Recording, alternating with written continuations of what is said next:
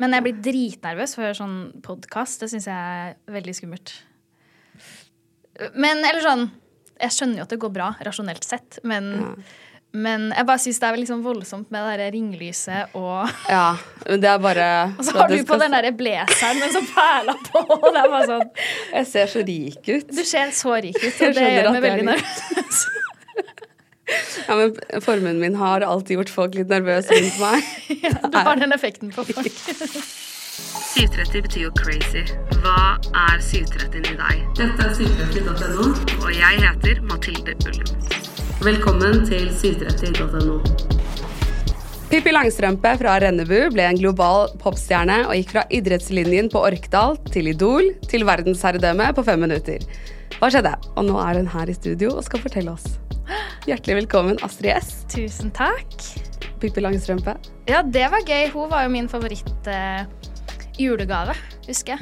Det er en sånn video at jeg er tre år, og så får jeg liksom sånn svære Barbie-slott og bøker og noen sånn gullsmykker, og så er det en sånn bitte liten Pippi-dokke som jeg bare holder fast i hele kvelden. Så bra. Så jeg elsker Pippi. Man skulle jo tro det var Askepott, men det var Pippi. Ja, hva syns du? Mer Askepott eller mer Pippi? Absolutt mest Pippi, ja. Oi! ja. Men din Askepott er jo litt Pippi. Er det ikke? På hvilken måte da? Litt sånn sterk, selvstendig, gjør alt selv. Sånn fikser Askepott er jo det, da, men, Ja, enig. men ja. Du har masse Pippi i deg, da. Ja, den tar jeg som et stort kompliment. Så bra. Vårt første møte med deg var jo på MGP, men Ja, gud! hvor gammel var du da? Ni? Ehm, altså, det var jo venninna mi som var med, da. MGP junior, ja. Men hva tenkte du på? Uh, ja, det var venninnen din som var med, og så sang hun bestevenna til deg. Ja. Ja, ja, det var det det var. Da var jeg ni, kanskje. Åtte-ni år. Og så var det Idol for, som 15-åring, Ja. og hele Norge falt pladask da du sang Jolene på scenen. Ja, Stemmer. stemmer. Er det, er det lov å spille Jolene på en talentkonkurranse? Altså, jeg tror ikke jeg på det tidspunktet da jeg var 15, så skjønte ikke helt hva den låta var, og hvem Dolly Parton var, egentlig. Um, så det var, jeg hadde egentlig valgt å synge 'Dancing on My Own' med Robin. uh, på den delen av dommerutvelgelsen. Og så skjønte jeg at uh, Fordi da hadde jeg blitt liksom gitarjente. Uh, og det å stå med bare en mikrofon og liksom skal prøve å liksom engasjere med kroppsspråket, det var ikke jeg så god på. Fortsatt ikke så veldig god på. Så eh, da i siste liten fikk jeg bytta til Jolene. Men eh, eh, takk Gud for at det gikk bra, jo, hun er jo en legende, og den låta er jo utrolig fin. Ja, det gikk veldig bra. Ja. Det, Jeg hadde ikke turt i dag, men eh, jeg turte da. ja, det gikk kjempebra. Du var jo en øh, Nå klarer jeg ikke å snakke. Øh, Kom det ikke manager til deg med en gang og signerte, eller ville jobbe med deg? Eh, ja, ja, så de hadde jo sånn opsjon, da, som det heter. Så det er På den tida så var det et plateselskap som het Playroom, som Jan Fredrik Karlsen hadde, med Kurt Nilsen og sånn. Uh, så de hadde opsjon på å signere alle Idol-deltakerne, så de tok kontakt og signerte med, da. Uh, og så la de ned et halvt år etterpå. Så det var jo litt synd. Men, men så etter det, så Så da var jeg egentlig litt på bar bakke. Og så gikk jeg andre året på videregående, eh, hadde fortsatt en manager, og så eh, måtte jeg faktisk kjempe veldig hardt for å få en platekontrakt. Syns jeg selv, fordi eh, på den tida så var jeg mye i Stockholm og skrev, og syntes det jeg laga var dritfett. Og så sendte jeg det til Universal. og sjefen Han er sjef i dag, da, men han var ikke det da. Bjørn Rokstad. Det hørtes kjent ut. Ja. Og det var liksom nei, nei, nei. Og så til slutt så fikk jeg platekontrakt med dem, da. Um, Men herregud, du var 15 år og fløy til Sverige og skrev låter og gikk på idrettslinja i Orkdal. ja. Det, det var jo super Hannah Montana-liv, da. Eller hva skjer?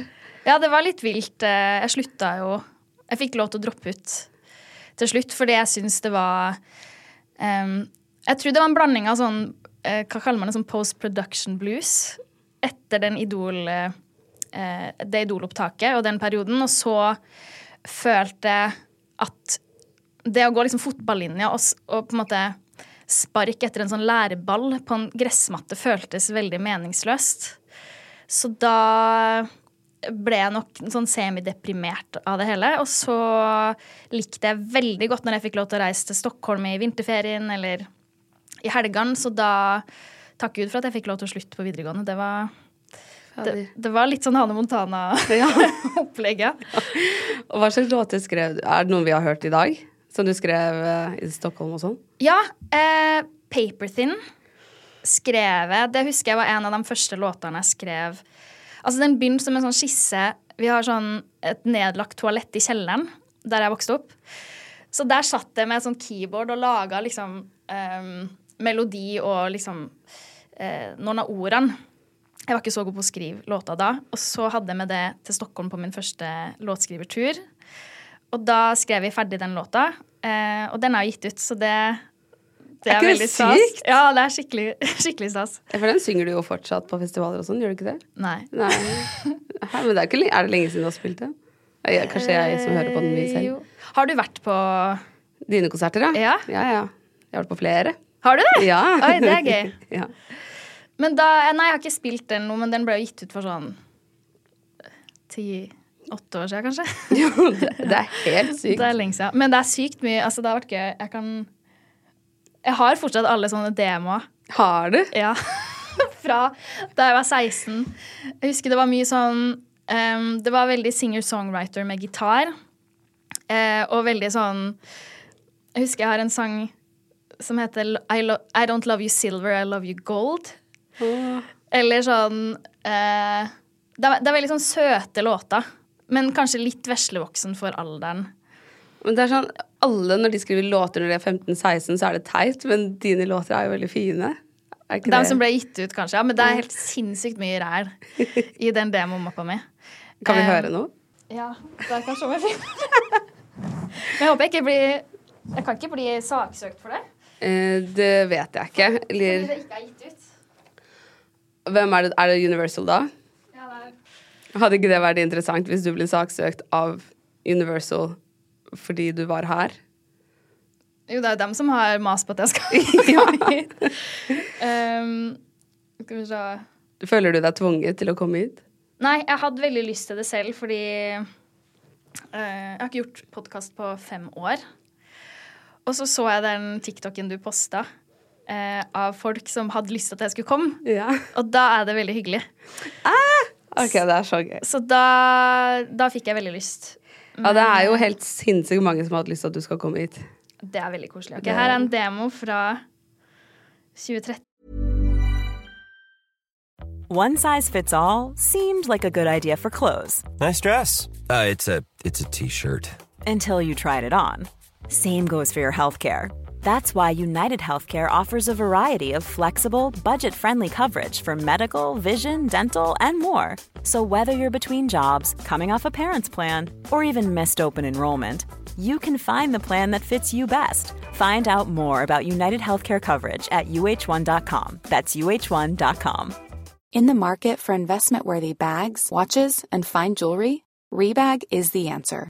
Rebag is a luxury resale platform where each piece is carefully inspected by experts to ensure quality and authenticity. Use Rebag to buy and sell finds from the world's top brands, including Louis Vuitton, Chanel, and Cartier. Head to Rebag.com to get 5% off your first purchase with code REBAGNEW. Shop today at Rebag.com. That's R E B A G.com. And use promo code REBAGNEW for 5% off your first purchase. Quality sleep is essential. That's why the Sleep Number Smart Bed is designed for your ever evolving sleep needs. Need a bed that's firmer or softer on either side? Helps you sleep at a comfortable temperature? Sleep Number Smart Beds let you individualize your comfort so you sleep better together. JD Power ranks Sleep Number number 1 in customer satisfaction with mattresses purchased in-store. And now, save 50% on the Sleep Number limited edition Smart Bed for a limited time. For JD Power 2023 award information, visit jdpower.com/awards. Only at a Sleep Number store or sleepnumber.com.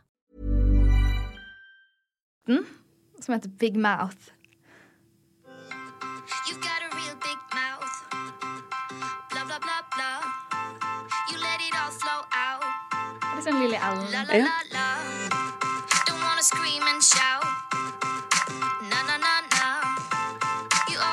so loud. When you gonna sip it, sip it, you don't know when Jeg syns det var kult. Veldig sassy. Veldig.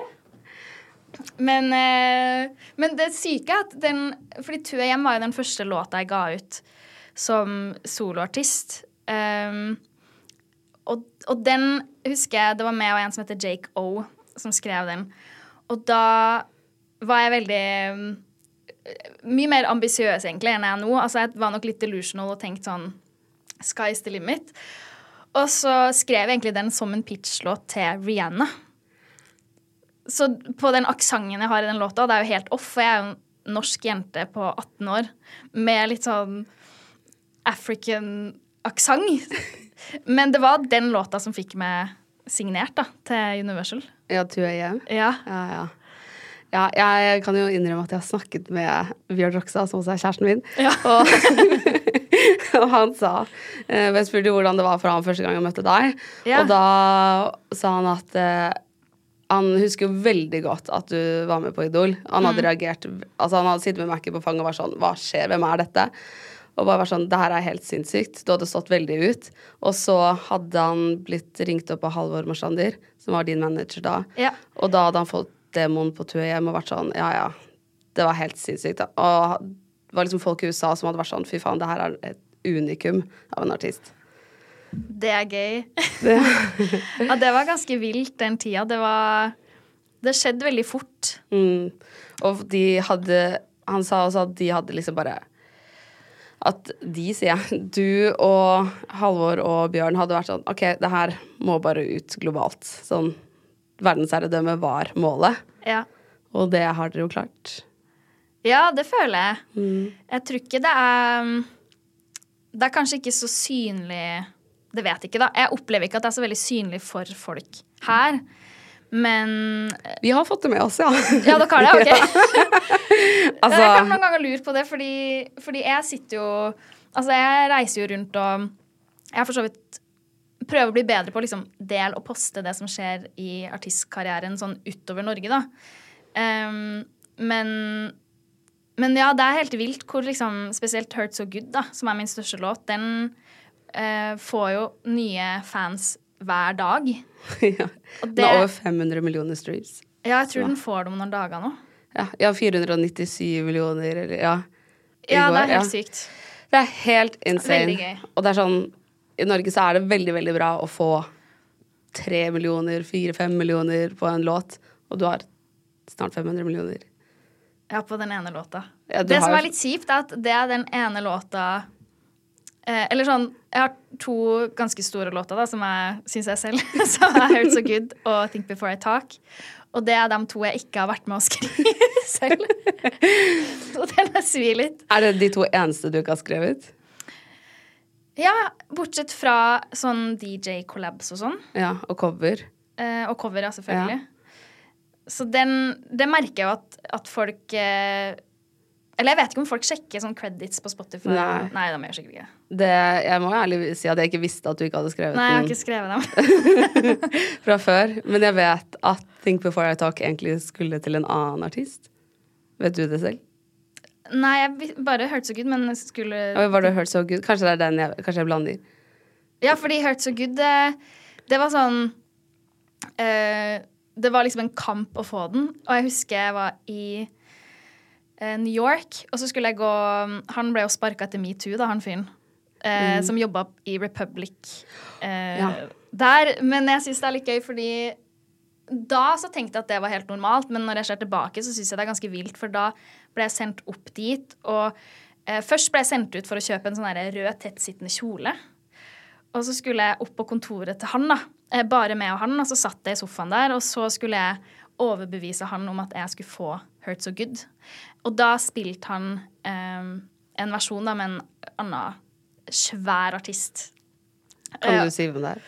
Eh, eller artist, artist altså Hun ble jo aldri sånn veldig stor artist, men det var Zendaya Ja. som egentlig skulle gi ut en låt. og så sa han sånn Can you beat that? Og så var jeg sånn Yeah. Altså, Og så fikk jeg låta. Å, det er så mye med den historien her som er bare så sykt. Fordi eh, nummer én, hvor gammel var du da du satt i møte med han? Jeg tror jeg var 19, kanskje. Og bli bedt om å ta på deg en rød Hans assistenten hans ringte og var sånn Ta på deg en rød kjole. Ja, det var noe sånn dress well-beskjed. Åh, urart. Og så, og så skjønner jeg at man kanskje ikke tenker så mye over det, for man er 19 år og er dritkeen på den låta, og han er sjefen i verdens største plateselskap. ja, jeg tror ikke jeg tenkte over det før jeg så at han fikk fyken Ja. etter metoo, for da kom jeg på sist gang jeg hadde møtt han, og det var jo da. Og da skjønte jeg at det, det er jo litt off. Men jeg føler at um, USA kanskje henger litt etter, da. Mm. At, uh, enn vi gjør her i Norge. ja. Jeg har ikke opplevd sånne ting i Norge. Du har ikke det? Nei. Og herregud, han du har jobbet kanskje best med, er jo eh, kanskje litt vanskelig for deg å si det òg, hvis det hadde vært noe eh, Hvis det hadde vært Bjørn. Ja, Bjørn, din kjæreste, har jeg Ja. jobba med i ti år Ja. snart. Fra ja, Har han vært grei? Bjørn, ja. Ja. Det hadde vært vanskelig å si noe annet også, egentlig. ja jeg hadde sikkert meg. ikke sagt det uansett. Men, men jeg kan Nei, men han har vært eh, eh, helt fantastisk å jobbe med, og han har jo Altså, det har vært ganske mye utskiftninger i teamet mitt opp igjennom med sånn management og Mens han Kanskje spesielt han er jo og Universal, men han er den som har stått der hele veien. Og det er jo veldig fint Åh. å ha en sånn fyr, og han backer meg så sykt. Og det merker jeg når jeg snakker om eh, plateselskapet mitt og han til andre, så blir folk veldig overraska, for det jeg tror En gjenganger er at artister ikke er fornøyd, og at man har masse dritt å si. Men, men jeg, så vi har jo våre konflikter som vi har hatt, men utover det så kjenner jeg på en sånn enorm takknemlighet da, for å ha hatt det sammen med han da, og Universal. Det er jo veldig hyggelig. Veldig. Ja, han er veldig stolt av det dere har fått til Ja, sammen, og alt du har fått til, da. Heter det jo egentlig. Alt det du har fått til, er han veldig stolt av. Ja, det er koselig. Mm. Men jeg håper, jeg håper, for vi har sånn tiårsjubileum neste vår. Ja. Så jeg har liksom sett for meg, jeg vet ikke om du kan videreformidle det til han, men jeg har sett for meg at det skal være en sånn surprise-fest. Eh, hvor jeg får en flaske champagne og kanskje en blomsterbukett. Og eh, helst kanskje noe sånn diamantøredobler eller Altså, dette her skal jeg videreformidle. Eller en sånn jakke som du har på. En sånn der rich girl jacket. Ja, ja, ja, ja. Ok, men jeg har en idé. Kan du formidle at jeg ønsker meg en surprise party til bursdagen min? Og så Ja. skal jeg Trust me, jeg skal fikse den festen Ok, din. greit. Jeg skal fikse den. Du skal få diamantøredobber. Jeg skal, Ok, ja, ja. Consider it done. Ok, Hva ønsker du deg i bursdagsgave? Em, at du synger. Ja, OK, det kan vi fikse. Hæ? Ja, herregud. Men uh, apropos det, er det Du må jo få sånne tilbud hele tiden. Eller ikke tilbud, men Jeg skulle gjerne fått mer. Jeg syns det er dritkoselig. du syns det er hyggelig? Ja, jeg sang et bryllup i sommer for eh, en venninne som gifta seg. Ja. Eh, og jeg føler Jeg har ikke vært i så mange bryllup, men det jeg har observert, er at folk Det er det mest takknemlige publikummet. Altså, folk er så i plussfortegn, hvis du skjønner hva jeg mener. Sånn, alt er gøy. eh, Alt er fint. Alt er bra. Herregud. Så det er veldig deilig. Man får veldig selvtillitsboost. Jeg ble så eh, innbilsk etter det, den opptredenen min i det bryllupet. Fordi altså, det gikk rett i hodet på meg. Blanda med litt sånn alkohol og sånn. Og så spilte jeg noen låter på piano. Eh, og så har jeg vært eh, singel et års tid nå, så jeg tror på en måte det begynte å kicke inn i sommer. Jeg skjønte at sånn ehm, Ja, folk kan være interessert i meg. For det Når man er i et forhold, så tror jeg man lukker litt Man kikker jo ikke på andre, og man er ikke så åpen for at andre er interessert i det, men da liksom kom alt på en gang.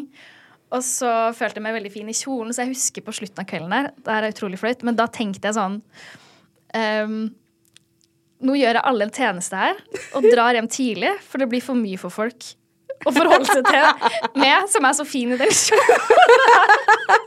Så nå bare runder jeg av og går, jeg. Men Tror du ikke det er sant? Nei, nei, nei. Nei, nei det er absolutt ikke sant.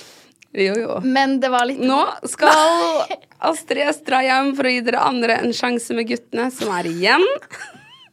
Det er jo selvfølgelig ikke sant, men jeg syns det var litt gøy.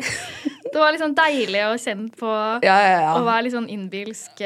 Og jeg blir så flau av det, men Men tenker du ikke det etter du har spilt i konsert òg? Nei, jeg blir ikke sånn da. Fordi Nei, vi andre herregud. tenker jo sånn Å ja, det her var festivalen til Astrid, og så er det Stavern, da. Men, det er mange andre som skal spille, men det var jo din festival. Nei. Nei, får, det er første gang i livet jeg har fått den følelsen hvor jeg tenker Nå trekker jeg meg tilbake for at det skal bli bra for andre. Og den har ikke liksom truffet med siden, men jeg håper jo den gjør det igjen. For det var jo utrolig deilig. Utrolig deilig. Var det rusmidler involvert? Ja, masse vin Ja. og champagne og prosecco og alt som hører med et bryllup. Ja. Men uh, Nei, den følelsen skal du i hvert fall ha på tiårsjubileet ditt. ja, da skal jeg trekke meg tilbake sånn klokka elleve. Nei, du må ikke trekke deg, du skal være i det. Du har jo en, den lengste karrieren, holdt jeg på å si, ti år, men du har jo fortsatt et barn, holdt jeg på å si. Sånn Hvor gammel er du? eh, 29. Ja. Føler du det selv som et barn nå? Ja. Det var derfor jeg sa det, fordi jeg er bare et par år eldre enn deg. Så vi er bare barn. Vi er det. Ja. Men har du begynt å føle deg Mm. eldre Nei, jeg føler meg gammel når jeg får sånne kommentarer. Da blir jeg sånn hæ? Ja. Men gjør du? Ja, jeg begynte å kjenne litt på det i det siste, faktisk. At eh, jeg merker at det skjer noen greier oi, blant de yngre som jeg ikke klarer helt å henge med på. Og det er jo naturlig, det. Men eh, det er en liten overgang der. Hva, hvem tenker du på da? Det kan være sånn TikTok-trender. Nå er jeg mye på TikTok, da, fordi jeg prøver å henge med litt på det som skjer der. Men det kan være TikTok-trender, eller sånn hvordan folk kler seg. Sånn low waist, eh, korte skjørt, eller eh, em, Bare sånn hvordan de ter seg. Og slang de bruker. Det Ja, jeg henger ikke helt med på det. Nei, og det skifter jo så fort at uh, med en gang du rekker å få det med deg, så er det noe nytt, på en måte. Men uh, er det, føles det litt rart fordi du alltid har vært en del av hvordan ting skal være? For du har jo liksom Du har jo alltid vært et moteikon, og, Oi. folk har jo hatt deg som forbilder, og Forbilder, forbilde. Og Mm, jeg tror egentlig det bare er den Jeg tipper det er noe som alle føler på i vår alder, da. Jeg er jo 26. mm, At, uh, at når man er sånn 19, 20, 21, 22, så har man så selvtillit, og man føler at hele verden spinner rundt det, og du er veldig midt i Jeg vet ikke om trendbildet er det riktig å si, da, men sånn, du er veldig påkobla. Kanskje ikke like selvbevisst heller. Jeg føler de yngre, og jeg husker meg sjøl òg, at jeg var mer sånn uredd. Um, og at nå når jeg liksom nærmer meg 30, sjukt å si, så det er første gang jeg føler på, som sikkert mange andre, at sånn Da var den tida forbi. Og nå skal jeg inn i en ny tid hvor jeg ikke ehm, Jeg er i hvert fall bestemt på at jeg skal ikke force å prøve å passe inn i noe sånn Gen Z Men du er jo Gen Z. Ja, men det Vet du hva? Det er jeg enig i, faktisk. Ja. Men eh, venninnene mine sier at jeg ikke er Gen Z. Nei, men da tar de feil. Fordi jeg har sagt, og vi har googla det, og jeg er akkurat sånn i det øverste sjiktet av Jeg tror det er fra et eller annet til 1996, da jeg er født. Ja. Jeg er 93. Jeg er sånn Ja, men det er Føler du det, Gen Z? Ja. Ok, Så da skal jeg kanskje ikke stole på at du sier at det er Gen Z. jo. Alle i dette rommet her er Gen Z, OK? nice. men, um, men kjenner du på det i forhold til musikken du lager? Føler du at du må endre noe? Har du kommet til et sånt sted? Um, nei. Jeg føler ikke at jeg må endre noen ting, og det er veldig viktig for meg at jeg Jeg må bare lage det jeg selv. selv, og si det jeg har lyst til å si selv i de låtene. Så um, Men helt sikkert sånn underbevisst så ble jeg sikkert påvirka av estetikken til de yngre og hva de gjør, fordi jeg syns det er veldig kult, da. De er jo babes hele gjengen. Altså, de er jo så fet. Så jeg blir nok inspirert av det, men um, jeg passer meg for å prøve å lage noe musikk for at noen skal like det. Ja, At det er noe du er motivert for å lage selv? Ja, jeg må bare lage det Noen ting jeg hadde hørt på selv, og så Ja. Jeg tror jeg bare må Ja, lage det jeg vil selv. Ja. Men vi må tilbake til karrieren din, fordi eh, nå har du gitt ut 2AM, og så har du signet med Universal, og da begynner du å reise. Da har du droppet ut av videregående. Mm. Og så begynner du å reise til USA. Ja, blant annet. Ja. Reiser du alene da? Ja. Er ikke det helt sykt? Det er ganske sykt. Jeg reiste alene Da var jeg 16-17. Og da, for det meste, så var jeg um, Nå blir det litt sånn klein oppramsning av uh, de stedene jeg var i, men det var LA, London og Stockholm for det meste. For å skrive, da, og møte folk. Um, og jeg husker på den tida så tenkte jeg at det var det mest naturlige at jeg skulle reise alene. Og så nå når jeg er 26, så når jeg møter en 16-åring, så tenker jeg shit, det, det er litt skummelt at man er så ung. Men jeg tror det har vært veldig bra for meg.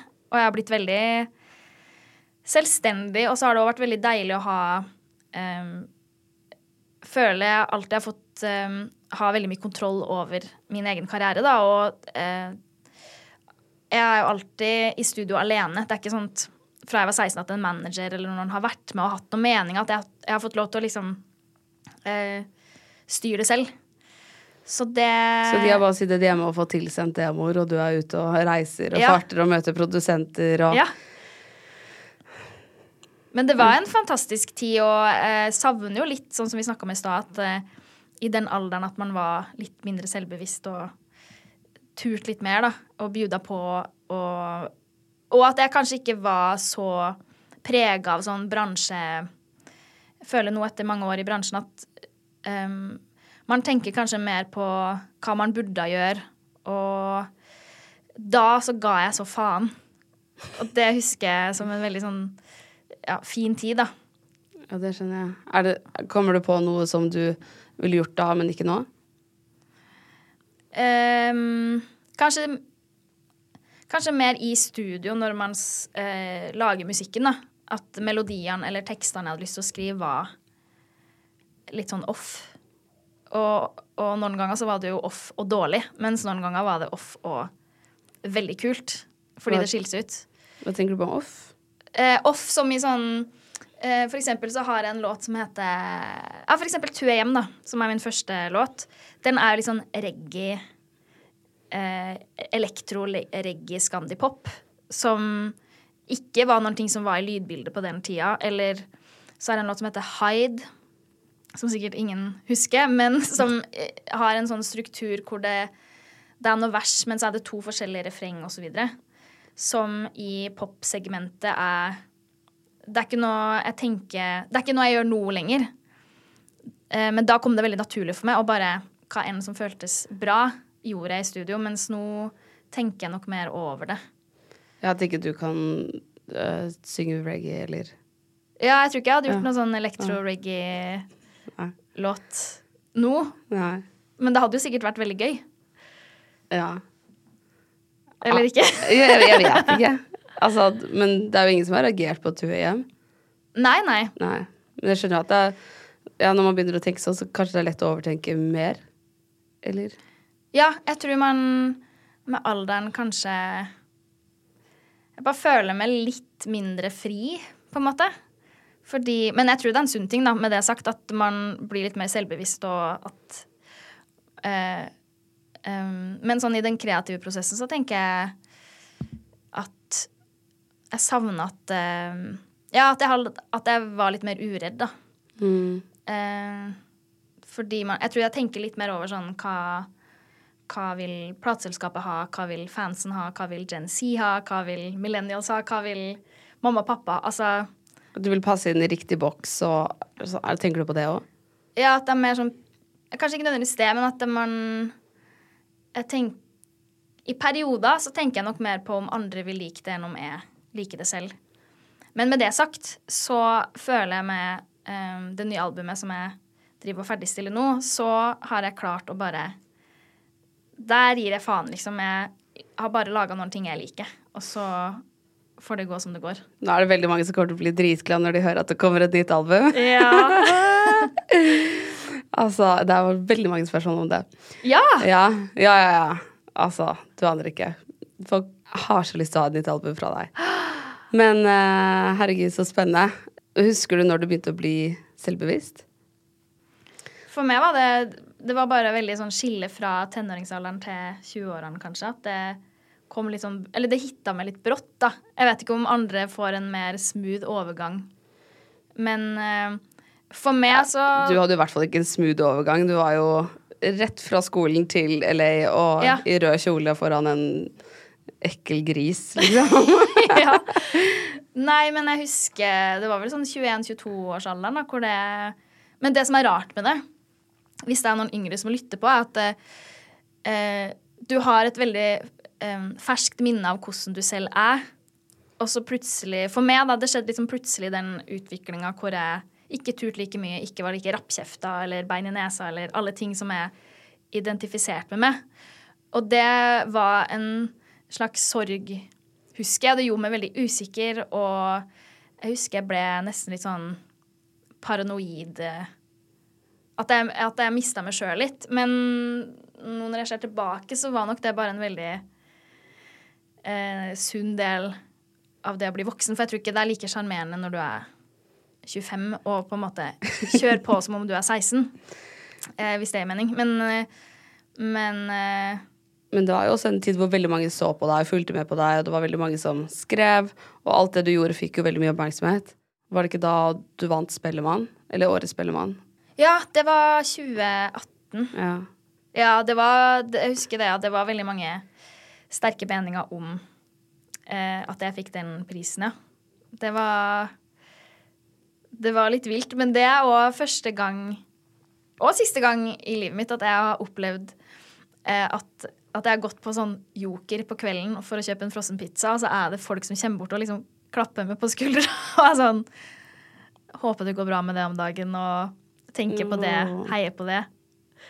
Det var sykt koselig, så det tar jeg med meg videre. Men ehm, ja, men som du sier, da, det er jo litt rart at for min del så skjer det midt oppi eh, Den perioden hvor du vokser opp og skal utvikle deg, og liksom, ja Kommer folk fra utsiden og skal ha en mening om deg, og Ja.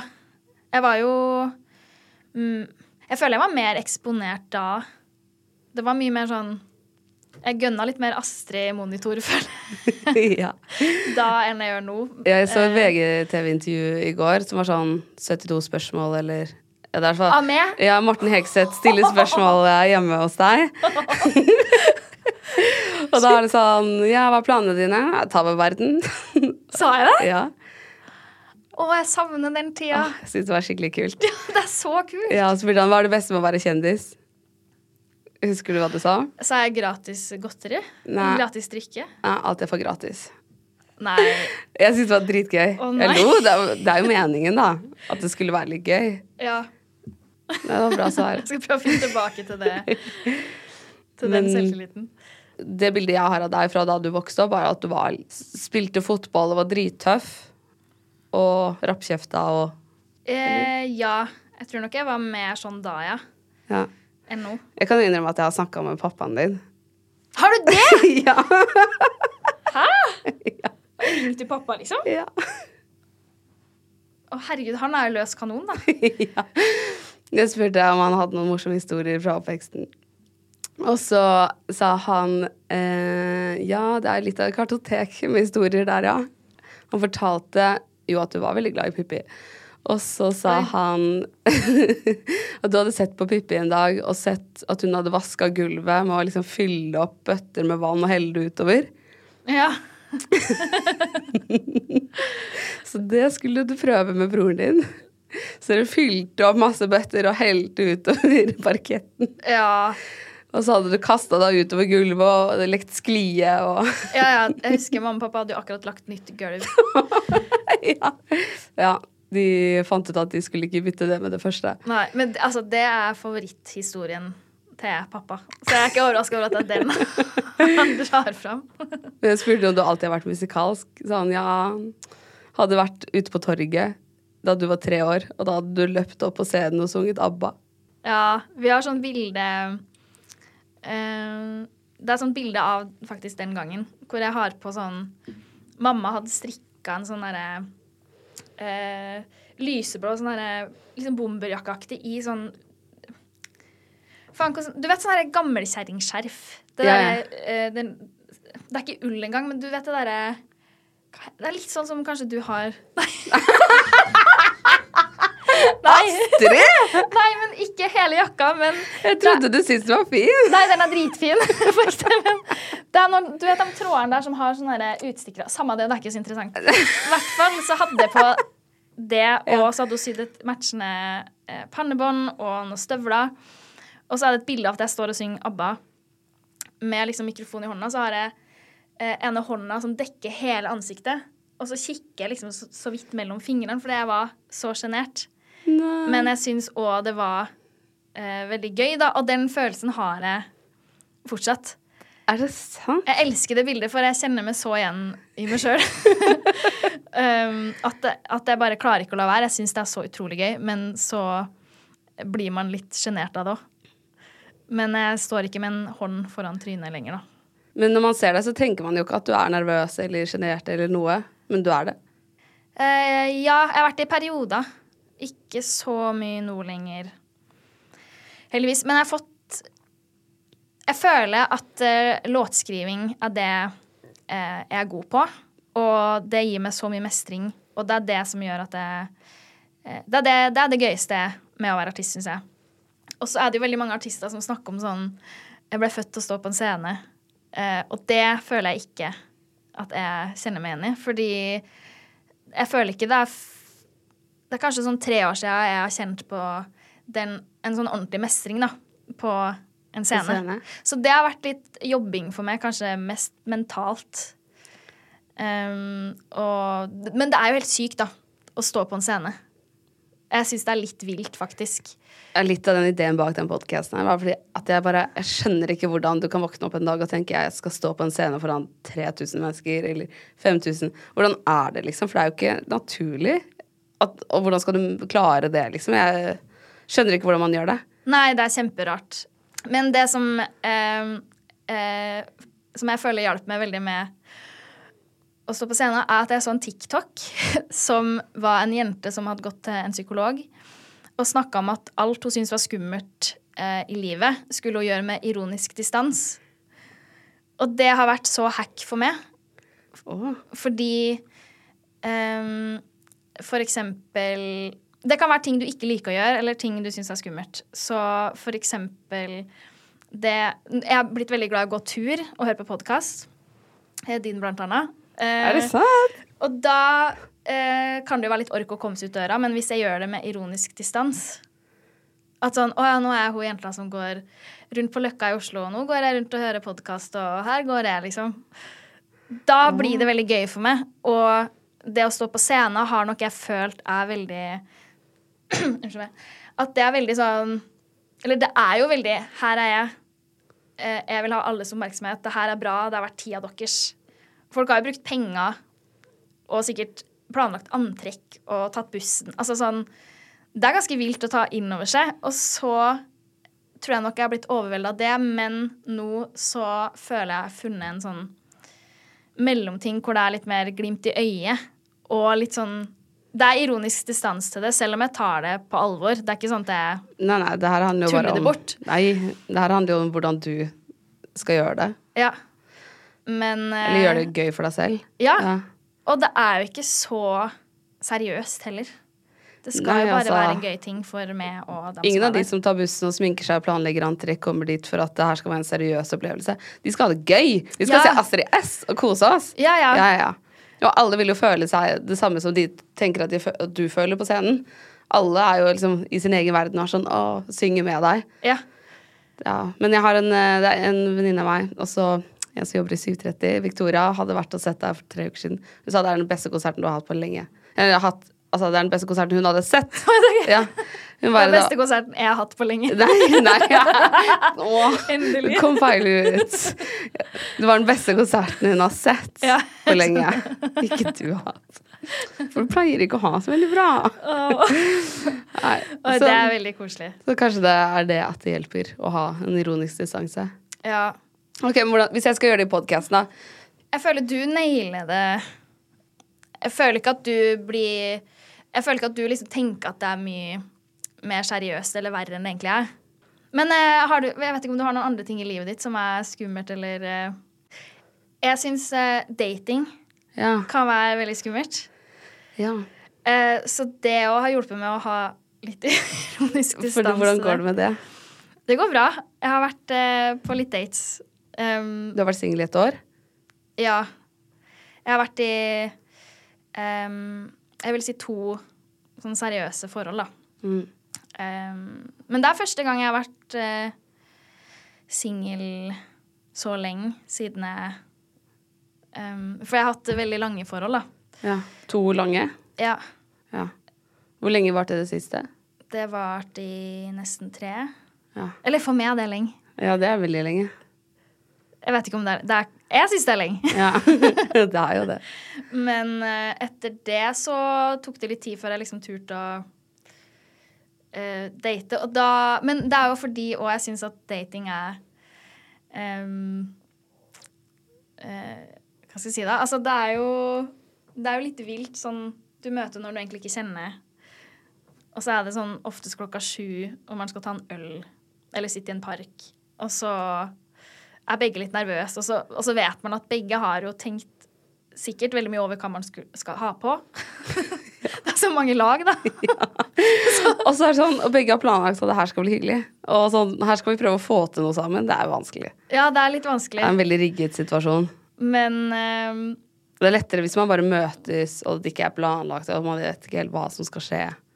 det er det beste. Ja. Hvordan møtte du de andre kjærestene dine?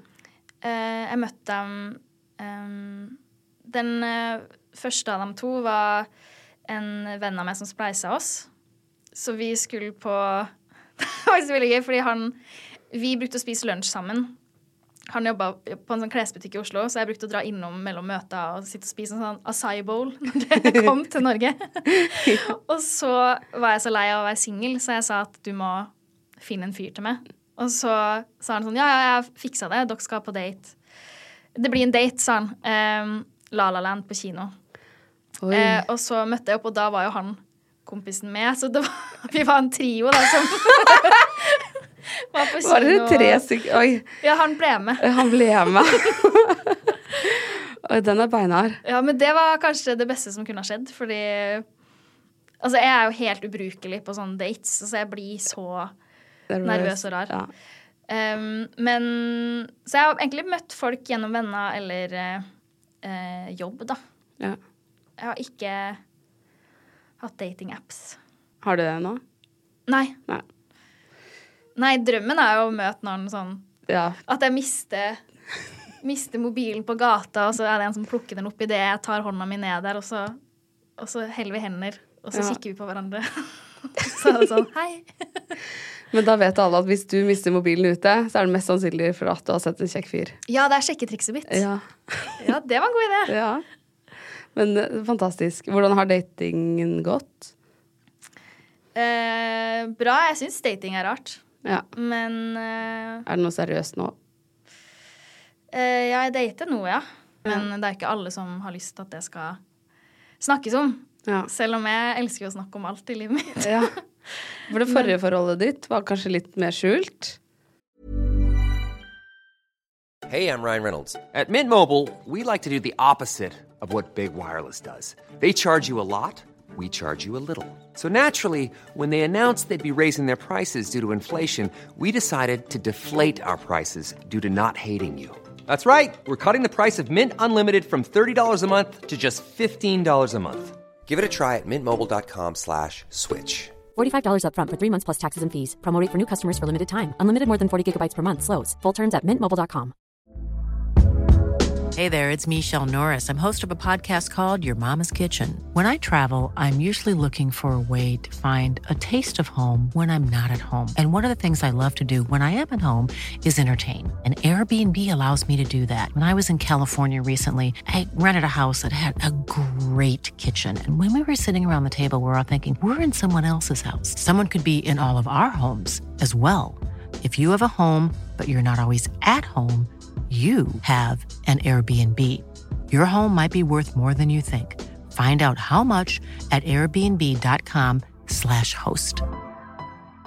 Burrow's furniture is built for the way you live. From ensuring easy assembly and disassembly to honoring highly requested new colors for their award-winning seating, they always have their customers in mind. Their modular seating is made out of durable materials to last and grow with you. And with Burrow, you always get fast, free shipping. Get up to 60% off during Burrow's Memorial Day sale at burrow.com slash ACAST. That's burrow.com slash ACAST. burrow.com slash ACAST.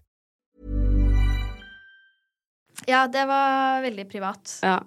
Og det var eh, Det var egentlig ganske eh, deilig. ja. Du fikk ikke lyst til å snakke om det? Nei, jeg hadde ikke så veldig behov for det da, og så var det I pandemien, det var ikke så mye som skjedde, så jeg fikk liksom vært i den bobla, eh, og det tror jeg var veldig bra for meg og oss. Um, ja, og så tror jeg jeg skjønner mer og mer sånn Nå skal jeg utlevere pappa bitte, bitte litt, men du har jo ringt han, så det får han tåle. Men, men jeg er sikkert litt mer vant til sånn eh, sånn SoMe-eksponering og greier som ble skrevet. Eh, og eh, så laga jeg noen sånne TikToks i skjul da, med pappa, stakkar, som jeg la ut på TikTok, og de ligger fortsatt der, hvor jeg spør eh, hvilken låt han liker minst av det jeg har gitt ut, eller eh, Ja, det er to TikToks, da. Og så har jeg bare tatt for gitt, dessverre, at han syns det er helt greit, fordi for meg er det jo ikke det noe stress. Men han kom på be besøk eh, for to uker siden surprise-besøk. Hvor vi satt på en bar, og så sa han til slutt at du, jeg syns faktisk ikke det Det er litt skum... Eller sånn, jeg syns det kan være litt ubehagelig og um, Og det var veldig sånn oppvåkner for meg. Og jeg tror sånn òg med forholdene jeg har vært i, at det, de har jo et behov for at det skal være privat, da. Mm. Um, og det respekterer jeg veldig. Så Ja, tenk om du blir sammen med en som bare Kan du legge et bilde av meg nå? Eller som ville hatt det motsatte. Ja, tenk om jeg blir den i neste forhold som er litt sånn Nå må vi roe ned litt, kan vi holde Ja. litt mer privat? og, og den personen du er sammen med, er sånn Kan du legge ut story av meg? Ja, eller at den lager sånne ja. snik-TikToks. Astrid som sover. Nei. Ja, da får jeg smake min egen medisin, da. Da kan pappa le. Men de var jo veldig søte, da. Ja. Man så jo veldig godt hvordan forholdet deres er. Ja, jeg elsker pappa. Ja. Er du pappajente eller mammajente? Åh, jeg tror jeg har vært veldig pappajente. Um, jeg er nok begge. Jeg har et veldig nært forhold til foreldrene mine, og de er med på alt. Nesten. Mm. Eh, de er jo eh, Pappa er jo eh, Bjørn, da, din kjæreste som er sjef i Universal, sin største fan. ja. Og jeg vet at pappa Han er sånn Mamma og pappa har bygd en sånn sommerstue som jeg liker å kalle ungkarsbula. som er eh, ute på plena. Som er en sånn eh, gapahukaktig et bygg som pappa har laga. Eh, med en peis og en vinylmaskin og liksom en sittegruppe. Og der sitter han eh, fordi bygdepuben er ikke lenger åpen på Berkåk. Så da sitter han der og koser seg. Og da vet jeg at han, han er, har en sånn ringerunde, da. Og da ringer han jo selvfølgelig med, men han ringer òg Rakstad i Univers. Det er så koselig. Ja, ja, Bjørn er veldig fan av han òg. Ja. Det Men Ja. de er skikkelig fine folk, og det er ganske vilt sånn hvordan de har bare eh, De har jo virkelig sluppet kontrollen. Ja. De har jo bare latt meg og dem jeg jobber med, få gjøre vår greie. Det finnes jo mange foreldre som Altså, det er på godt og vondt, da, men det er mange foreldre eh, i om det er artistkarriere eller andre karriere, at de eh, involverer seg veldig mye. Eh, mens mamma og pappa har vært sånn Klar det sjøl, det her finner du ut av. Ja. Og det, det er jeg veldig glad for. Samtidig som de er veldig involvert. Altså, de eh, kommer jo på mye av det jeg gjør. Og, Ja. Er du litt glad for at ikke de er managers eller skal bli med sånn? ja, Ja. veldig. Jeg tror det har vært veldig sunt for vårt forhold. Og, og så har de ikke peiling. ikke at jeg hadde det da jeg var 16 heller. Nei, nei, men ja, jeg skjønner. Hva gjør de? Eller er, Um, er det hemmelig, eller? Nei, pappa han jobber i vannkraft.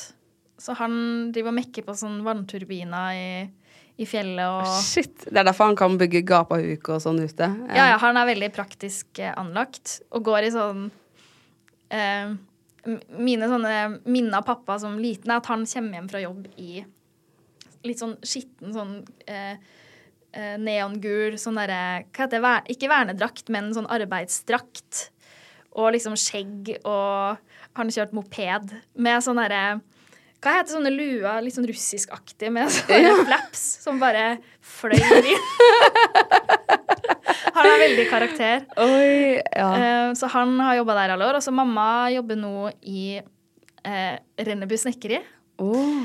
hvor hun tegner kjøkken. Så hun har tegna eh, kjøkkenet i leiligheta mi. oi, shit. Så det er veldig koselig. Oh. Ja. Så morsomt. Så du har en sånn skikkelig arbeidskar og en skikkelig kreativ. Det er jo ikke rart at du ble som du ble. Nei, kreativ og arbeidsjern. Ja. ja, du må jo være begge deler for å ha den karrieren du har. Ja, det føler jeg man må være. Ja. Um, jeg har mine gode og dårlige perioder der, da. Men eh, Så spennende. Broren din òg? ja, han jobber faktisk òg i, i vindkraft. Altså, han jobber med vindmøller. Det syns jeg er veldig kult. Ja. Så jeg har sett sånn Han har sendt meg bilde av at han står Altså, vindmølla er jævlig svær. Og han står i sånn her klatretauaktig unnskyld. Klatretauaktig altså langs opp med vindmøllene og Jeg vet ikke egentlig hva han gjør. Jeg sjekker at alt er i orden. Å, fy fader. Er ikke det jævlig høyt? Jo, det er drithøyt. Ah, men så interessant at liksom alle har valgt så forskjellige veier i familien din. Ja, veldig. Det er ingen Mamma har spilt i korps, og så er det en onkel som spilte uh, synt i band på 80-tallet. Men ellers er det ikke noen som driver sånn veldig Jo, bestefar jeg har spilt i korps i 70 år. Oi. Oi, wow. Han må ha blitt veldig stolt av deg, da. Ja, han tror jeg er veldig stolt. Eh, hvordan er ditt forhold til media? Syns sosiale medier er veldig gøy, og elsker at man får så nær kontakt med folk. Og så um, må man jo anerkjenne at media er jo en veldig stor hjelp i det å um, få, få ja, formidla det man vil si om et albumslipp eller noen ting som skjer i livet mitt. Så eh, jeg føler jeg har et veldig, sikkert et veldig bra forhold til det. Ja. Nå. Jeg tror nok jeg syns det var litt tyngre en periode eh, før. Fordi da var det eh, veldig Det var et år hvor det kom veldig mye negativt, og det hører jo med. Så jeg stå Eller sånn Måtte jo bare stå i det. Men um, det er nok litt bedre nå. Ja. Ja, ja fordi det er, er det ikke litt sånn Vi har sett på flere artister at liksom media bygger opp, bygger opp, bygger opp, og så blir man nesten revet litt ned igjen etterpå. Eller ikke revet ned, det er jo kanskje overdrevet litt, men Ja, jeg syns det er litt vanskelig å si noe på det fordi um, jeg er veldig innforstått med at det må man bare ja. Tåle. Og så tror jeg, for meg som sitter eh, oppi det, så um, Jeg tror ikke folk på gata sitter med, at det- med at det har vært masse negativt Nei, det tror jeg med. ikke. Nei. Men, um, men det var nok et um, Det var nok en overgang der hvor man var den nye bygdejenta som skulle ta over verden, og så begynte det å gå bra. Og så eh, Ja. Det er jo sikkert fordi folk elsker å lese om røde tall og Ja, og det kommer det jo uansett. Når ja. man skal starte noe nytt og etablere Ja, ja. noe. Ja, ja. Men det er jo ikke bare røde tall, det har jo gått veldig bra. Ja, ja. Nå snakker jeg om det ene året Ja. hvor det var litt mye negativ omtale. Ja. Um, ja, det har jo gått helt sinnssykt bra. Mm. Streamer ikke du en million om dagen? det vet jeg ikke.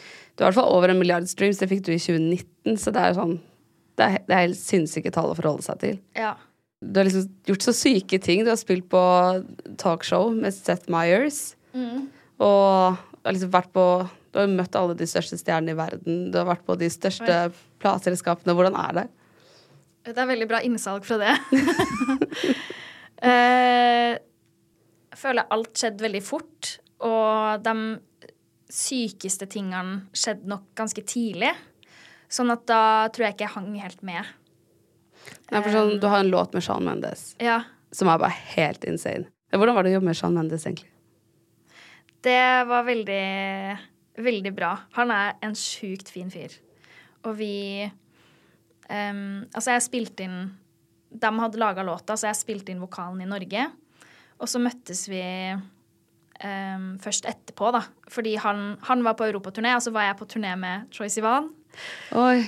Eh, og det sjuke er at uh, Troy Sivan hadde en turné i Europa, hadde to support acts, og det var med og Dua Lipa. Er det sant? ja. ja, det er ganske vilt. Oi. Um, og da Så da liksom møttes vi um, først egentlig da, for da spilte vi i samme by uh, på de turneene, da. Og så da ble jeg kjent med han. Han er sykt bra fyr. Jeg håper han gir ut noe ny musikk snart. Ja. Var det noe romantisk mellom dere? Nei. Ingenting? Nei. Hadde du lyst til det? Det hadde jeg helt sikkert. Jeg tror nok jeg hadde crusha veldig på han da, ja. Dere hadde vært en it-couple. Altså, han Ja. Han er jo helt nydelig, så garantert. Jeg var sikkert avstandsforelska da. Shit. Og så var det en annen ja, Herregud, altså Kendal Jenner la ut bilde av deg. Eller la, hørte på musikken din i Story, var det ikke det? Eh, Kylie. Kylie Jenner var det. Ja. Jeg så Kendal Jenner postet deg også. Å! Ja. Ja, det har jeg ikke fått med meg. Herregud, det er så sykt. De vet at jeg eksisterer. Ja. Noen andre som vet du eksisterer, er jo Ariana Grande. Ja. Du hadde jo en Twitter-beef Mm. med henne. Mm. Men eh, jeg husker da vi ja, beefa på TikTok, da. Nei, sorry. Da vi beefa på Twitter, så fikk jeg så mye dødstrusler. Og jeg satt i en middag med bandet mitt, og da eh, Jeg har aldri fått sånn trøkk. Oi, der rørte du inn i en dyp gryte. Det Ja. Så da, og da ble jeg skikkelig lei meg, for jeg tror det kom litt som et sjokk. Um, og jeg skjønner jo nå at det var jo helt ufarlig, det var ingen som skulle ta livet av meg. Men jeg ble så redd, og så jeg måtte bare dra fra den middagen og eh, samle meg litt. Det var Hun har eh, fans som gjør alt for henne. Øh, Fikk du sikkerhet, eller hva? Nei, nei, Nei. nei.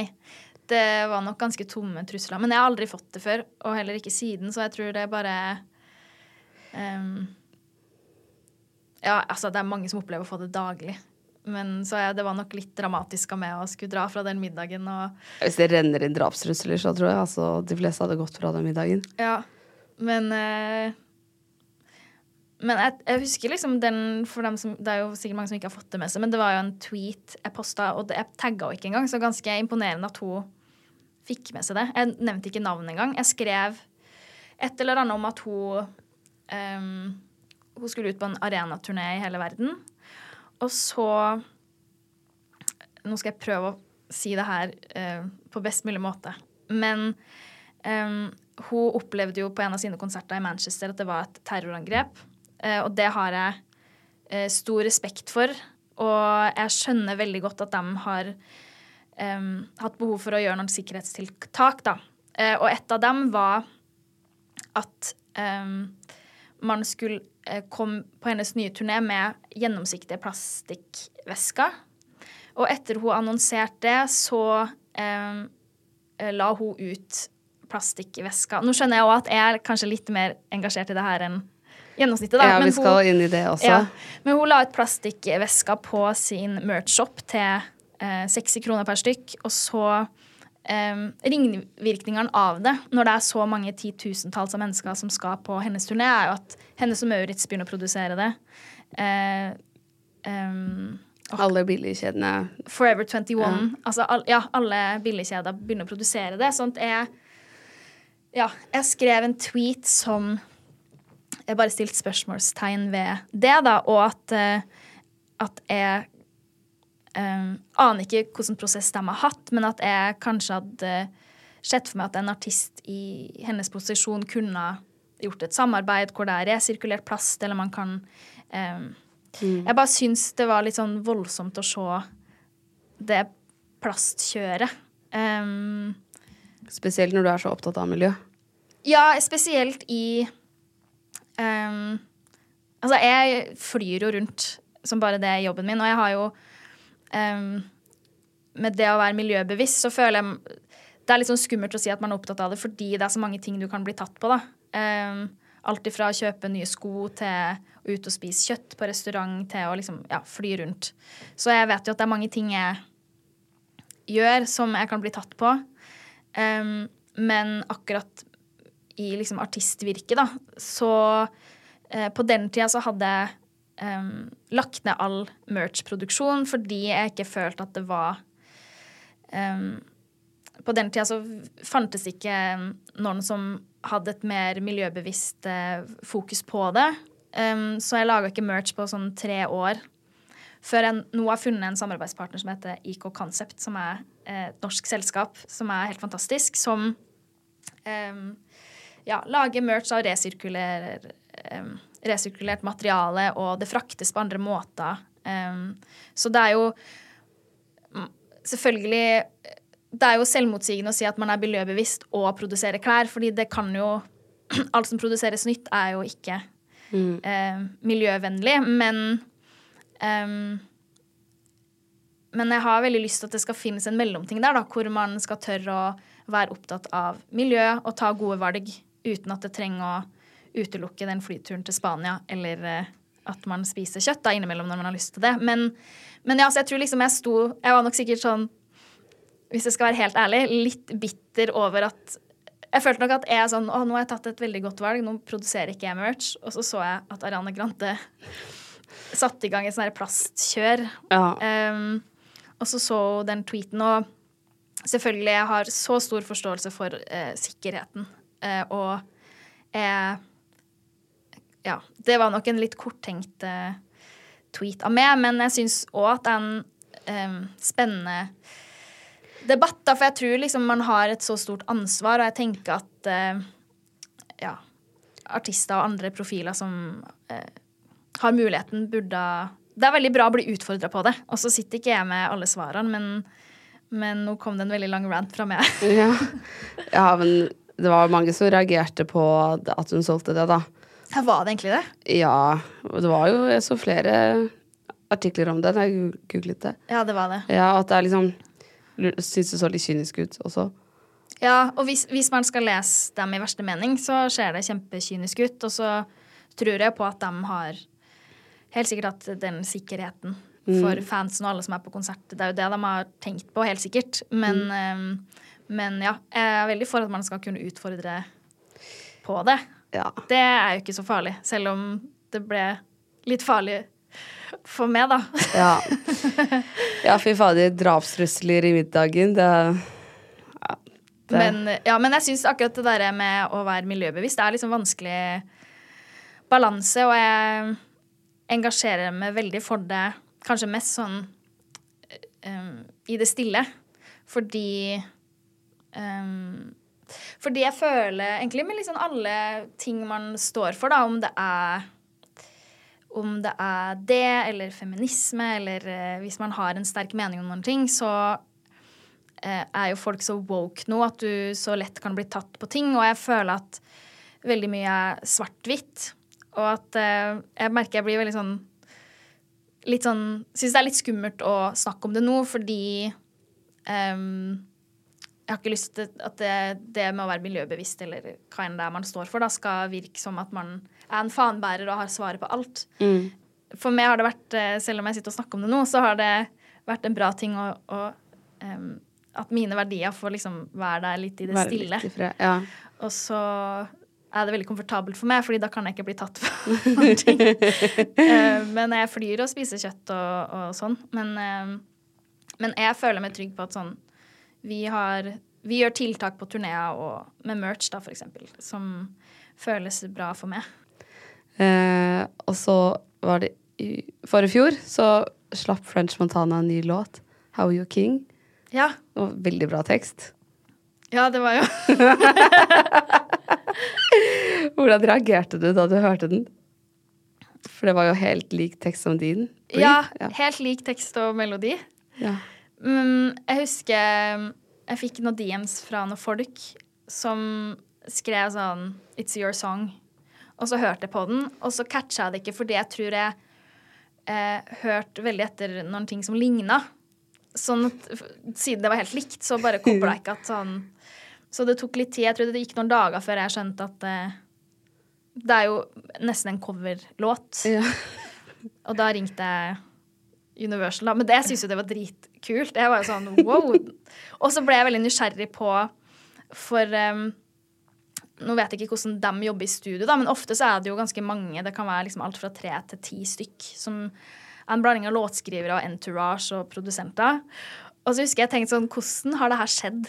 Har en låtskriver kommet til studio og eh, pugga min låt og bare så at de, har kommet inn og vært sånn Yeah, I'm just thinking something like this. Um, if I fell At de hadde lata som at de improviserer frem noen ting. Ja. Så jeg liksom jeg husker den tida etterpå at jeg brukte lang tid på å gå gjennom alle scenarioer på hva egentlig har skjedd her. Hvordan, ja, hvordan kom dette fram? Eller har de bare googlet seg fram til det, eller sånn? Eller har de sittet i studio og tenkt sånn Det er en norsk artist, den låta har ingen streams. Ingen kommer til å finne ut av det. Ingen bryr seg. Vi, vi bare går for det. Altså, vi fant jo ut av det. Altså, han Han Det ble et Hva heter det? Forlegg? Nei. Eh, forlik? Nei. Nei. Det, det, akkurat sånn derre advokatspråk. Ja, dere ble enige? Nei. Altså, vi ble enige om en sum. En helt sånn Veldig liten sum, liksom. Det var helt Hæ? sånn Her kunne du hentet masse penger. Ja, men jeg tror ikke det er så mye penger ja. i det, har jeg skjønt. Jeg var sånn Å, jeg kommer til å bli rik. Men eh, Nei, vi ble bare enige om en sum, men han var veldig søt. Han sendte meg jo melding eh, og begynte å følge med, og sikkert litt sånn damage control. Det var masse emoji hearts og Hva skrev han? eh, Hei, jeg er så fan av det, og jeg elsker låtene dine, og Hvem er den mest kjente som følger deg?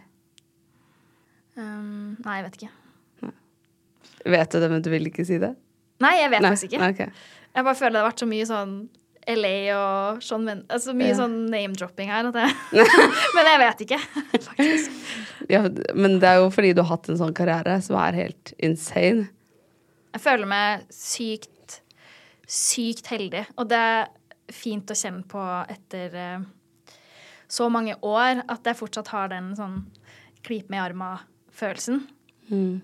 Eh, veldig Ja, jeg føler meg så pri privilegert, og, um, og spesielt òg fordi jeg har så sykt bra folk jeg jobber med, og uh, har det fortsatt veldig, veldig gøy med det jeg driver på med. Så um, på konsertene i år også har jeg sunget en låt som heter 'Favorite Part of Me', som handler om uh, det at det jeg liker best med meg sjøl, er egentlig de sidene folk jeg er glad i, får fram i meg.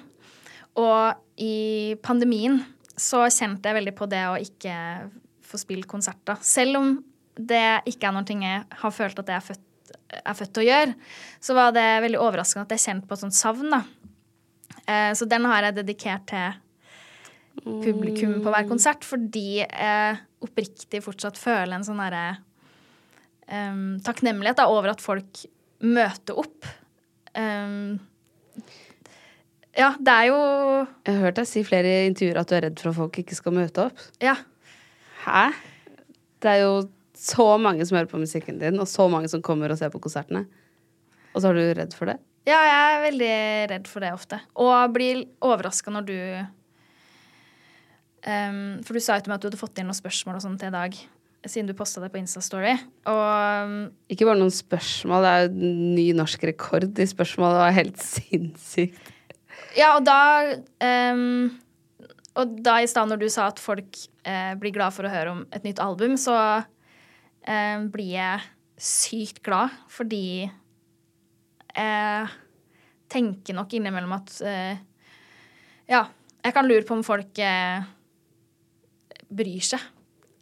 Og, men ikke på en sånn Du trenger ikke å gi meg det derre Det sympatiske blikket. Det, jeg tror nok det em, det, det er nok bare fordi jeg liker så godt det jeg gjør.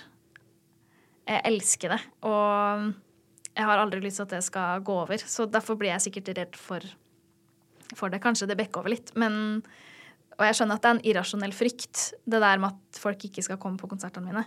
Mm. Um, men det var ganske mange år med min forrige manager uh, hvor vi skulle sette opp turneer, og det var mange telefoner han måtte ta hvor jeg skulle alltid liksom presse ned på hvilke venue vi spilte på. At jeg ville liksom bare ned antall, ned, ned, ned, ned. Ned billettpris fordi jeg ja, tenkte at folk ikke um, hadde lyst til å komme, så jeg hadde veldig lyst til å, gjøre det enklest mulig for, for folk.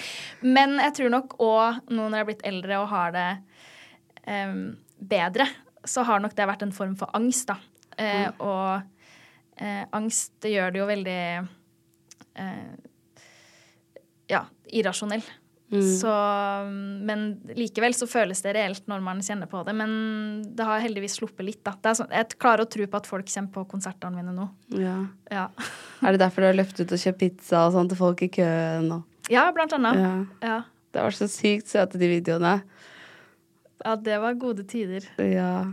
Du har jo skrevet Du har jo dedikert låt til publikummet ditt, og så har du jo skrevet låter. Er det noen som har skrevet låt om deg?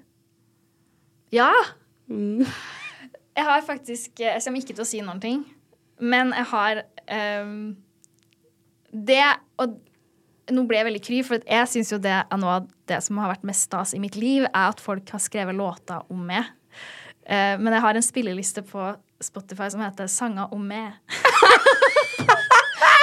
Er det sant? ja. Eh, men en av dem er jo bestevenner, da. Fra Ja. MGP Junior.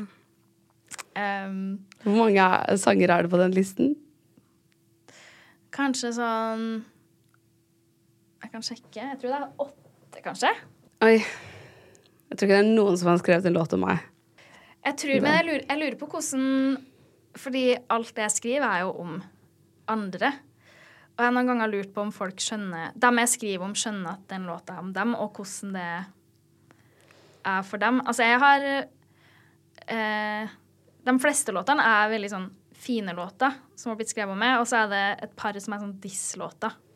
Men likevel så ble jeg veldig glad for det, fordi folk har jo brukt tid på det. Men jeg har jo en del sånn rekkefingerlåter, jeg òg. Jeg lurer på hva Om dem jeg har skrevet om, har skjønt det. Har du fortalt til noen at du har skrevet en låt om dem? Um, ja, jeg tror jeg har sendt, sendt noen ting hvor det er veldig åpenbart, så har jeg sendt det til dem og skrevet at det her kommer ut og vil at du skal gjøre det først. Men um, Hvem handler Fuck Off om? den handler om Kan jeg si det, da? Ehm, ja, eller Nei, jeg burde holde meg for god for det. I Come First, er det samme person? Ja, altså I, I Come First, og så har jeg noe som heter That Guy, Ja. og Fuck Off ble skrevet samme uke. um, så, så det er liksom om samme Om det samme. Du reiste også før metoo, og i en veldig mannsdominert bransje. Du må jo ha møtt noen flere bare han fra Republic. Ja, det har vært noen situasjoner som Det er litt skummelt, som har vært ubehagelig Nei, OK, det har vært ubehagelig der og da, men så har jeg tenkt eh, Jeg er for ung til å skjønne om det her er riktig eller ikke. Det er sikkert normalt.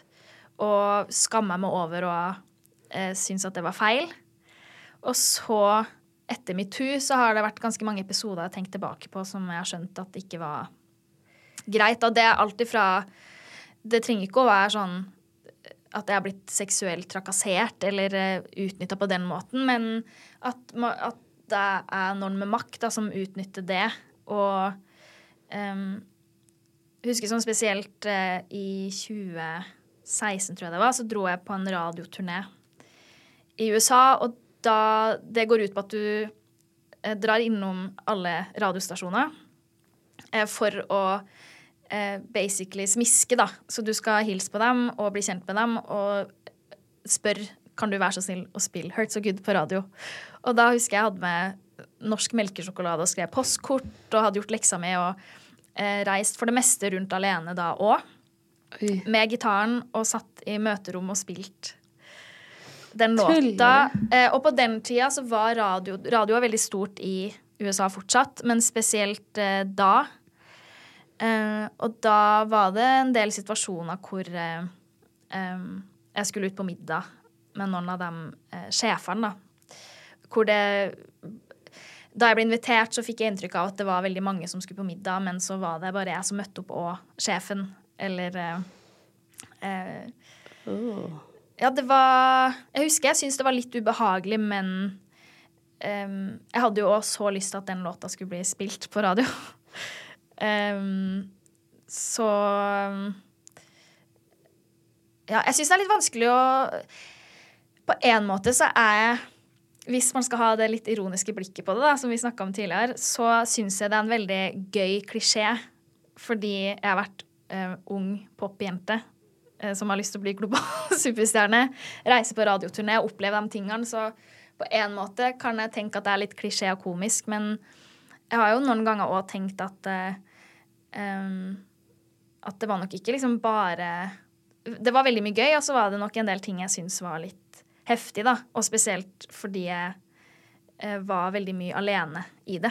Og reist uh, mest alene fordi det var et nytt prosjekt, og man hadde kanskje ikke budsjetta til å eh, ha med flere folk, da. Um, så jeg kan noen ganger kjenne på at jeg får litt vondt når jeg møter folk som er 16-17-18 år. Fordi da følte jeg meg så voksen. Eh, og så Jeg følte meg nok mer voksen da. Og nå, når jeg ser tilbake, så var jeg jo bare et barn. Faktisk. Syns du at du burde hatt med noen? Nei, ikke nødvendigvis, men jeg tror eh, Jeg er veldig glad for at metoo skjedde, fordi det ga meg en anerkjennelse for at eh, det ubehaget jeg kjente på, var eh, var riktig, da. Og jeg skamma meg nok veldig mye over Det er jo liksom flere episoder som har skjedd òg i studio, eller sånn Som har vært litt sånn eh, vondt for meg. Em, men jeg bare husker den skammen jeg hadde over å At jeg har følt meg smålig, eller at eh, av det er jeg som ikke tåler så mye, osv. Som sikkert mange kan kjenne seg igjen i, da, som har vært i sånne situasjoner. Men, men eh, så jeg er veldig glad for at metoo skjedde, og at det har vært eh, en bevegelse hvor folk tør å si fra og em, ja, at man ikke skal trenge å skamme seg da, over Mm. å føle seg ukomfortabel i en situasjon. Så det, det er kanskje det Altså, jeg er veldig glad for at jeg reiste alene, og det var nok helt riktig, men, men eh, Ja, jeg skulle ønske at noen At jeg kanskje turte å snakke med noen, og at noen kunne si til meg at eh, selvfølgelig var det ubehagelig, eller det skal du få lov til å være sint for, eller For du sa det ikke til noen? Um, nei, jeg gjorde nok ikke det. Jeg sa det Nei, jeg sa det faktisk ikke til noen, fordi jeg husker jeg var spesielt sånn overfor mamma og pappa at jeg var veldig redd for at Det føltes som et veldig stort eh, kompromiss at jeg fikk lov til å slutte på videregående og flytte til Oslo. Um, selv om jeg flytta inn med Julie Bergan da, i jentekollektiv. Men um, var så glad for at jeg fikk lov til det, og at jeg fikk lov til å reise alene. Og uh, hadde nok veldig mye stolthet i det, sånn at jeg syntes det var vanskelig å si fra fordi um, Ja, jeg var redd for at uh, jeg ikke skulle få lov til å drive på med det lenger, eller eh, Ja. Så Men eh, det gjorde nok at eh, det, Jeg fikk nok liksom Nå blir det her veldig vagt, for jeg har ikke så lyst til å gå inn på sånne veldig spesifikke ting, men, men det er nok noen ting som har satt en støkk. Og så eh, har jo det liksom kommet tilbake i ettertid eh, mer, da. Men det kan være alt ifra eh, Alt ifra sånne ting som vi snakker om nå, til um, det, det stresset og det presset man blir utsatt for. Um, og den sinnssyke timeplanen Altså den Alle jobber jo, så jeg sitter ikke og sier at jeg liksom har en helt psyko uh, timeplan, men på det tidspunktet når vi satsa i USA, så var det ganske vilt. Og at man reiste alene, og det har nok hatt en sånn ettereffekt. Um, Hva, hva slags ettereffekt? Nei, jeg husker liksom i 2018 at det uh, var litt sånn ned for telling Mm. uh, mentalt. Da, at det, det var nok da liksom den angsten fikk uh, blomstre, og ble deprimert. Men så gikk jeg til psykolog og fikk hjelp, så det er jo noen ting mange skal gjennom. Men jeg tror nok det kom av av veldig mange ting som jeg ikke hadde fått snakka om, eller eh, Ja.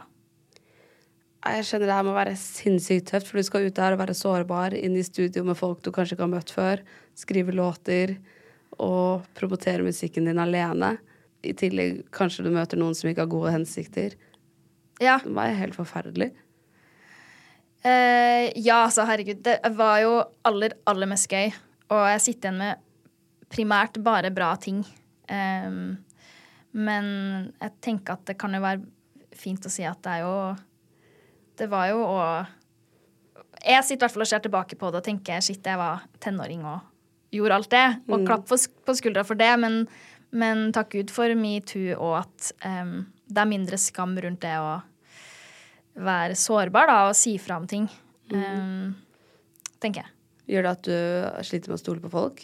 Eller syns det er vanskelig? Nei, Nei. heldigvis ikke. Eh, nei, heller det motsatte. Jeg stoler på alle. Ja. Og det har gått eh, bra for det meste. Ja. Jeg har, og det er viktig å si, sånn alle jeg har jobba med i nær krets av managere og, og plateselskap og liksom de viktigste folkene jeg har hatt rundt meg, har vært veldig, veldig bra folk. Mm. Em, så mange har du jobba med i mange, mange, mange år. Ja. Eh, og alle de relasjonene har vært fine. Ja, så jeg har så mange eksempel på folk som jeg kan stole på, og som vil Mm. meg vel og um, Ja. Ja, det er godt å høre. Men det er utrolig trist at du skal oppleve det, da. Og jeg skjønner jo alle de opple negative opplevelsene du har hatt, øh, kanskje i USA, og de du har møtt liksom fucka menn som tenker at det er helt OK at de skal ut på middag med deg, liksom. Mm. Eh, for å promotere For at de skal spille låta di på radio. Det er helt fucked up. Og så i tillegg har du de lange arbeidsdagene, fullt kjør, og du er 16, 17, 18, 19 Mm. Du er så ung. Umulig å kunne sette seg inn i. Ja, det er litt rart å tenke tilbake på det, men, eh, men jeg husker jeg elska den tida, og jeg fikk Jeg jobber best under press. Og Mm. elsker når det er masse å gjøre, og at jeg kjenner at jeg har noe å strekke meg etter. Um, Var det ikke i 2018 du skulle ut på en ny turné? For da slapp du Emotion. ja. Ja. Gjorde det at du eh, tenkte deg om et par ganger ekstra, eller var det liksom Jeg skjønner ikke hvordan jeg skal for formulere det, men gjorde det Ja, at du ja. Altså, den turneen var i 2020, Ja. så det var jo ganske lenge etterpå. Ja. Um, men eh, um, Nei, faktisk så husker jeg sånn Fordi det var etter eh, Jeg ga ut uh, Think Before I Talk i slutten av 2017. Og da hadde vi Emotion klar, så den skulle egentlig komme ut um, fort. Og så, på det tidspunktet, hadde jeg et management som jeg til slutt snakka med og sa at det er litt utfortelling. Jeg har angst. Jeg merker jeg er helt sånn irrasjonell og paranoid og tenker at alle er imot meg og ingen vil meg vel, og jeg må bare komme på beina igjen. Så da var jo dem utrolig fin og snakka med plateselskapet mitt. Nå høres det veldig dramatisk ut, så det var ikke sånn veldig Nei da, men, men jeg tror det var eh, veldig riktig at jeg ikke skulle inn i et sånt uh, release-kjør igjen, da. Men så bra at du tok uh, det på alvor. Ja. Hvordan tror du det hadde gått om du hadde dratt på turné? Um, altså, Eller var, fullt, ikke turné, men fullt uh, hvis jeg hadde fortsatt Noe, ja. Det hadde jo sikkert gått bra, men Men eh, Jeg syns det høres ut som oppskriften på disaster. Eller Disaster. disaster, ja. Altså, jeg tror det hadde tatt lengre tid før jeg eh, følte meg som meg selv igjen, men Nei, si det. Altså, jeg, jeg tripper det hadde gått bra, fordi men, jeg, men eh, ja, det vet man ikke, da. Tror du skal være veldig glad for at du ikke gjorde det. Ja. det. Jeg tror man alltid skal lytte til seg selv, og den eneste som vet hvordan du har det, er deg selv. Og hvis du kjenner at det var riktig, så er det 100% det som er riktig. Mm. Det, men var det vanskelig å ta den beslutningen? Eh, nei. Men jeg har eh, en, en notatbok som jeg eh, skriver, heldigvis ganske sjelden nå, da, hvis det er ting jeg stresser over eller tenker på. Og da ble jo den brukt ganske flittig. Og det er veldig rart å lese tilbake Lese ting som jeg tenkte da, fordi det er jo så virkelighetsfjernt. Um, og det kan være Det vi snakka om sånn um, Ingen vil komme på konsertene mine. Alle som er her i dag, uh, har blitt tvunget til å komme. Um, og de sitter bare og venter på å få dra, uh, og det har skjedd en feil. Altså, det var så sinnssykt mye sånn rart som var i hodet mitt da. Uh, så jeg tror nok ikke jeg hadde hatt det bra med å Jeg tror hvis man skal gi ut en låt eh, og bjuda på, så må man ha trua på det sjøl, og man må ha det bra med det. Mm. Uh, hvis ikke så kan man ikke forvente at noen andre skal like det eller ha lyst til å uh, høre på det. Så um, ja. Herregud. Det er sykt viktig for meg at jeg har det bra med det jeg gjør. Mm. Og det har jeg jo Bortsett fra det halvåret. Men hvordan startet du det arbeidet? Du fant en psykolog, eller? Ja, Jeg gikk til psykolog. Ja. Eh, Hvordan var det? Det var Nei, jeg syns det var veldig fint. Det. det er jo liksom sånn Det er akkurat sånn som man tenker at det skal være. Ja. Ja, og så husker jeg En ting jeg har tenkt på faktisk i ettertid, er at em, i vanskelige perioder så tror jeg man ofte eh, Man føler seg veldig til bry, og man skammer seg, og em, Ja, alt er i minusfortegn, da. Eh, og man kan bli litt paranoid og så videre. Eh, og jeg husker at på den tida så snakka jeg ikke med noen. Jeg hadde jo en psykolog, da. eh, og en kjæreste da, men ellers så var det ikke så mange jeg snakka med om det, fordi jeg tenkte at det var en byrde for dem. Og det har jeg sett tilbake på og tenkt at hvis jeg noen gang eh, går på en smell eller ikke har det bra med meg sjøl, så skal jeg huske på å snakke med folk eh, som jeg er glad i, fordi eh, det er ikke sant. Altså, folk har så lyst til å stille opp, eh, og det er ingenting som hadde gjort meg mer glad enn om uh, min familie eller mine venner eller folk jeg er glad i, uh, slipper meg inn da, for at jeg skal få hjelpe dem gjennom en tung tid. Så det har jeg faktisk tenkt masse på, fordi det på den tida føltes Da trakk jeg meg veldig unna. Jeg tror man ofte sånn isolerer seg litt når man har det dårlig. Og det tror jeg Jeg kan faktisk kjenne litt på det nå når det er høst og vinter. At man lander litt etter sommeren, eh, får litt eh, blues. Det er en liten sånn hangover, nesten. Og at eh, jeg har kjent på det samme behovet for å bare isolere meg, og at jeg ikke klarer å eh, ha like godt humør eller eh, når jeg skal henge med venner, da. Så det er enklere å avlyse. Men eh, jeg prøver å være flinkere til å liksom møte opp og heller kunne si at shit, denne uka her så har jeg hatt det sånn. Eh, Være mer åpen om det? Ja. Shit, for du var ikke det. Ja, du fortalte jo ingen om det du gikk gjennom heller. Eh, nei. Det har vært veldig ensomt. Ja, men jeg husker, det som er rart, at jeg husker ikke så mye fra den tida heller. Jeg tror man får liksom blackout. Mm. At Det- man går på autopilot, liksom. Ja, jeg husker ikke sånn, bortsett fra det jeg har skrevet ned, så Så husker jeg ikke så mye. Hvordan er det å skrive låter og sånn når du er Når du har det sånn? Eh, For meg så går ikke det. Det. Ikke når man er sånn Men jeg elsker jo å skrive låter når jeg um, Når jeg er veldig sånn sentimental, eller hvis jeg er i et litt sånn dramatisk humør. Eller hvis noen Sånn som Fuck Off og uh, That Guy Come First, da, som ble skrevet på denne uka. Hvis noen fucker med meg, så syns jeg Så lenge man har et overskudd i det eh, og har det bra på det jevne, så da føler jeg den kreativiteten blomstrer, men sånn når man er helt ned for telling, så har jeg ikke sjans til å skrive noe. Mm. Det skjønner jeg. Det er vanskelig å finne inspirasjon når du Ja. Når du kjenner en depresjon og kjenner på angst og Ja. Fy fader. Du har vært så um, Når vi har prata nå, så sykt sånn herre Du løfter meg virkelig opp. Ja. Nei, herregud, tenk så mye du har gitt til folk Altså, når vi har hørt på musikken din og sett deg på scenen. Skulle jo bare mangle at du får noe tilbake. Ja, det er koselig. å si. Og det er veldig mange som er interessert i livet ditt. Når får jeg noen spørsmål fra folk, da? Skal vi ta det i neste episode? Ja, vi kan gjøre det. Ok, vi gjør det.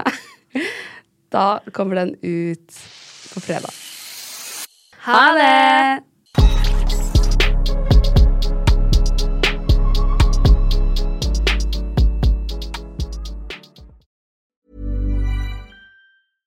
Hey, it's Paige DeSorbo from Giggly Squad. High quality fashion without the price tag. Say hello to Quince.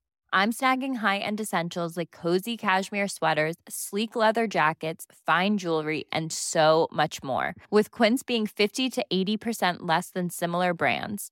And they partner with factories that prioritize safe, ethical, and responsible manufacturing. I love that. Luxury quality within reach. Go to quince.com slash style to get free shipping and 365 day returns on your next order. Quince.com slash style. This message comes from BOF sponsor eBay. You'll know real when you get it. It'll say eBay Authenticity Guarantee. And you'll feel it. Maybe it's a head turning handbag, a watch that says it all, jewelry that makes you look like the gem, or sneakers and streetwear so fresh every step feels fly. eBay gets it. So look for the blue check mark next to that thing you love and be confident that every inch, stitch, sole, and logo is checked by experts. With eBay Authenticity Guarantee, you can trust that feeling of real is always in reach. Ensure your next purchase is the real deal. Visit eBay.com for terms.